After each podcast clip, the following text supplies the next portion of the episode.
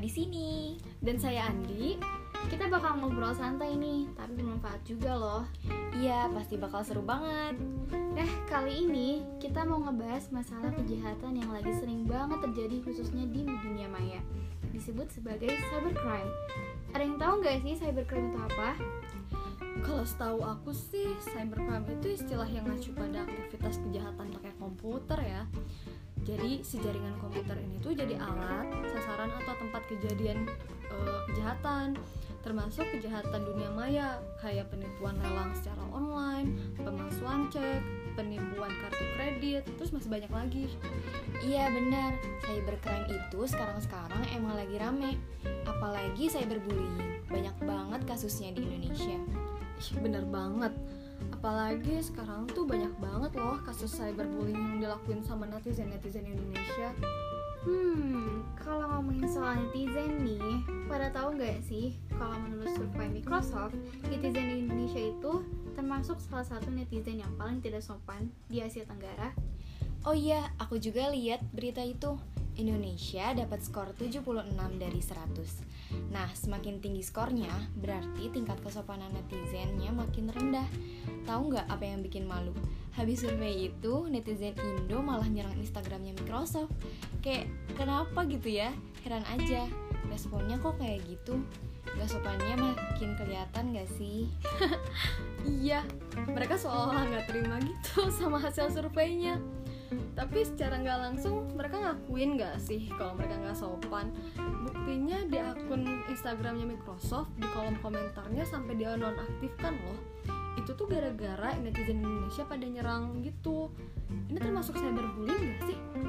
Yap, bener banget. Itu termasuk dalam bagian cyberbullying cyberbullying juga termasuk bagian dari cybercrime kan ya?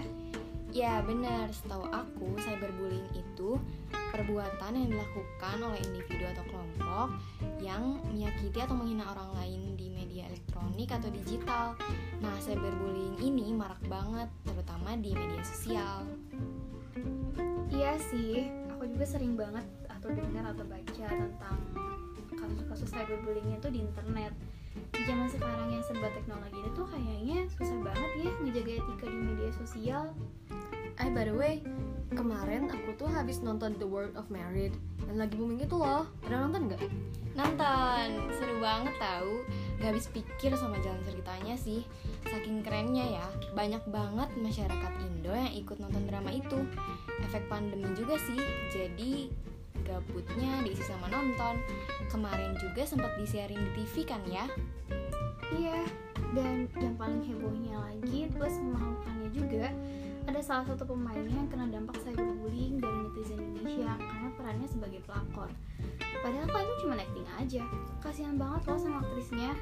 Hah, serius? Emang aneh. Serem banget. Tapi emang netizen Indonesia tuh ya ketikannya serem banget. Emang harus hati-hati kalau pakai sosial media. Bener banget. Sampai akhirnya si aktris ini tuh speak up di salah satu wawancara. Untungnya Bang ha Mbak ini gak, menda gak menanggapi hal tersebut ke hati. Tapi tetap aja sih ini udah keterlaluan parah. Head commentsnya bahkan udah sampai 60 ribu di instagramnya. Kacau banget sih. Banyak banget. Tapi emang ya cyberbullying di Indonesia tuh kalau dibiarin terus dan nggak ditangani dengan benar bakal dibiarin gitu aja. Cyberbullying tuh nggak main-main loh. Bisa sampai padahal di Indonesia udah ada undang-undang buat cyberbullying itu sendiri. Ah tapi sayangnya undang-undang cyberbullying tuh masih lemah untuk melindungi para korbannya. Jadi masih banyak banget pelaku yang berkeliaran. Bukan hanya di undang-undang aja tapi di Al-Quran juga disebutkan kok kalau ada surat yang ngebahas tentang bullying ini. Ada surat At-Taubah ayat 79 Al-Hujurat ayat 11 Al-Humazah ayat 1 dan juga Al-Kalam ayat 11 Di mana semua surat yang aku sebutin tadi tuh menjelaskan makna dan tentang larangan untuk mencemooh orang lain tapi kayaknya kalau belum kena hukum mungkin belum jerah kali ya emang deh nih rakyat Indonesia tuh selalu aja Terus nih ya, ada lagi kasus tentang cyberbullying yang lagi rame. Kalian udah denger belum sih tentang kasus penipu kue yang lagi viral di Twitter? Iya aku tahu. Kemarin aku lagi scroll scroll Twitter kan, terus lihat berita tentang penipu kue itu. Sumpah sih, itu jahat banget caranya. Ih, iya aku juga sempat baca loh. Jadi itu kasusnya ada orang yang pura-pura kalau ibunya tuh rugi besar karena ketipu orderan kue yang banyak banget, tapi nggak dibayar. Terus si pelakunya kayak cari empati gitu di Twitter dengan memanfaatkan foto kue biar dibeli sih sama orang-orang dan jaga ramai di netizen. Padahal kan fotonya tuh hasil curian dari orang lain. Iya, kasihan banget kan ya tuh yang fotonya dicuri sama penipu itu sampai netizen tuh udah empati dan banyak beli kuenya. Ih, sumpah ya orang-orang sekarang banyak banget deh akalnya buat ngelakuin kejahatan di media sosial. Ada aja idenya. Iya, kita harus hati-hati banget sih kalau mau pakai sosial media. Sekarang kalau nggak salah sih identitas pelakunya lagi dicari loh sama netizen. Duh, sumpah banget sih aku jadi kasihan sama ibunya. Semoga aja cepet ketemu deh pelakunya. Terus nih ya yang aku denger juga penyebaran hoax lagi rame di media sosial. Iya, kalian pernah dapat nggak sih berita hoax tentang subsidi kuota gratis di WhatsApp yang dari yang dari Telkomsel itu loh? Yang mana tuh? Kayaknya aku tahu deh, soalnya aku juga sempet dapet. Nah kita tuh harus registrasi di web gitu. Terus habis itu informasinya disebarin ke kontak teman dan grup di WhatsApp. Ya nggak sih yang kayak gitu? Iya, yang itu. Sumpah, aku hampir aja kena. Tapi untungnya tuh aku kepikiran buat searching dulu. Ini tuh bener nggak sih? Eh, ternyata hoax. Udah dikonfirmasi juga loh sama Kemendikbud. Wah, wah, wah, ini udah gila banget sih, ini udah bener-bener kacau banget. Bisa-bisanya di kondisi lagi pandemi gini, orang tuh sengaja bikin berita hoax tentang subsidi kuota. Terus di saat pembelajaran kita lagi daring dan gak maksimal gini. Iya, emang pelaku kejahatan cybercrime itu parah banget dan lebih parahnya mereka bisa bikin orang-orang percaya dengan berita hoax yang mereka palsuin. Bener banget. Jadi kasihan kan ya sama orang yang kena. Mm-mm. Makanya kalau menurut aku sih kita tuh emang harus pintar kalau gunain media sosial sama internet. Kalau kita udah terjun ke dunia internet tuh ya, kalau nggak hati-hati kita bisa jadi korban. Tapi kita bisa juga loh jadi pelakunya kalau misalnya kita ngelanggar undang-undang di media sosial.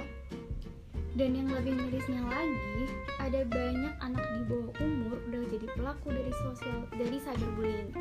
Salah satu kasusnya ada seorang selebgram yang mempunyai masa lalu yang buruk pelaku yang masih di bawah umur 13 tahun ini tuh dia bilang kalau misalnya pokoknya dia bilang suatu hal yang gak pantas ke selebgram ini. Padahal beritanya tuh udah lama banget. Selain itu juga hampir semua artis mendapatkan ujaran kebencian. Dan yang paling sedihnya adalah rata-rata anak di bawah umur juga tuh banyak banget yang ikut terlibat dalam hal ini. Waduh, berarti bener ya pentingnya anak buat diawasin pas dia nggunain media sosial. Iya, apalagi di usia memasuki remaja. Mereka tuh lebih mudah terpengaruh tahu. Jadi orang tua tuh harus ikut andil buat ngajarin anaknya gimana caranya beretika sama menggunakan literasi media yang baik. betul banget tuh kata Andy Benar-benar. saking rawannya media sosial pentingnya kita ini buat belajar untuk beretika dan literasi media. Yes. karena karena sekalinya kita tidak berhati-hati bisa aja perkataan kita tuh malah nyakitin orang lain atau bahkan membuat hidup seseorang hancur. Apalagi nih para para pelaku cyberbullying tuh cuma berani pakai akun anonim doang yang nggak jelas. Dan ma- dan mic dan main di balik layar HP doang. Karena mereka pikir mereka nggak akan ketahuan oleh orang lain. Sumpah serem banget Nih harusnya ya tiap orang tuh sadar tiap kata-kata yang diucapin di internet tuh bakal ada jejak digitalnya. Bisa jadi menurut kita tuh biasa aja, tapi menurut orang lain itu tuh bikin dia sakit hati. Harus diingat nih, kita harus memperlakukan orang lain segimana kita mau diperlakukan oleh orang lain. Kalau gak mau dihina, ya kita juga jangan ngehina gitu loh. Sosial media itu sebenarnya tuh banyak banget loh hal yang menyenangkannya. Kita tuh bisa nge-explore tanpa harus nyakitin orang lain. Gak semua orang yang kamu lihat di sosmed itu bisa memenuhi ekspektasi kamu.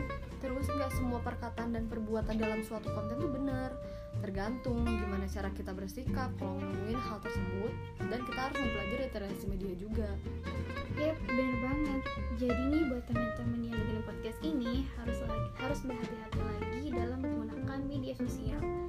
Karena kita tidak pernah tahu perasaan orang lain kalau kita ngomongin sesuatu hal yang gak mengenakan. Kalau kalau tidak ada kata-kata yang bagus untuk diucapkan atau dituliskan, mending keep it ourselves aja. Jangan sampai kita sadar atau tidak sadar malah menyakiti orang lain. Benar banget, kita hidup di zaman yang memiliki teknologi canggih. Buat apa punya smartphone yang istilahnya smart atau pinter ini kalau kita sendiri nggak pinter cara makainya, nggak beretika dan nggak sesuai sama manfaatnya. Ya, terus di internet tuh gak cuma membawa kemudahan, tapi juga ada potensi untuk membahayakan loh. Nah, cyberbullying pun gak kenal waktu dan target, bisa aja terjadi pada seseorang atau sekelompok. Semoga buat masyarakat Indonesia bisa lebih aware dalam menggunakan media sosial di kehidupan mereka sehari-hari. Hmm, mungkin obrolan kita sampai di sini aja ya. Iya kali Makasih ya. banyak buat teman-teman yang udah dengerin podcast ini. Aku Safa, Aku Siva, Dan aku Andi, pamit undur diri. sampai ketemu lagi.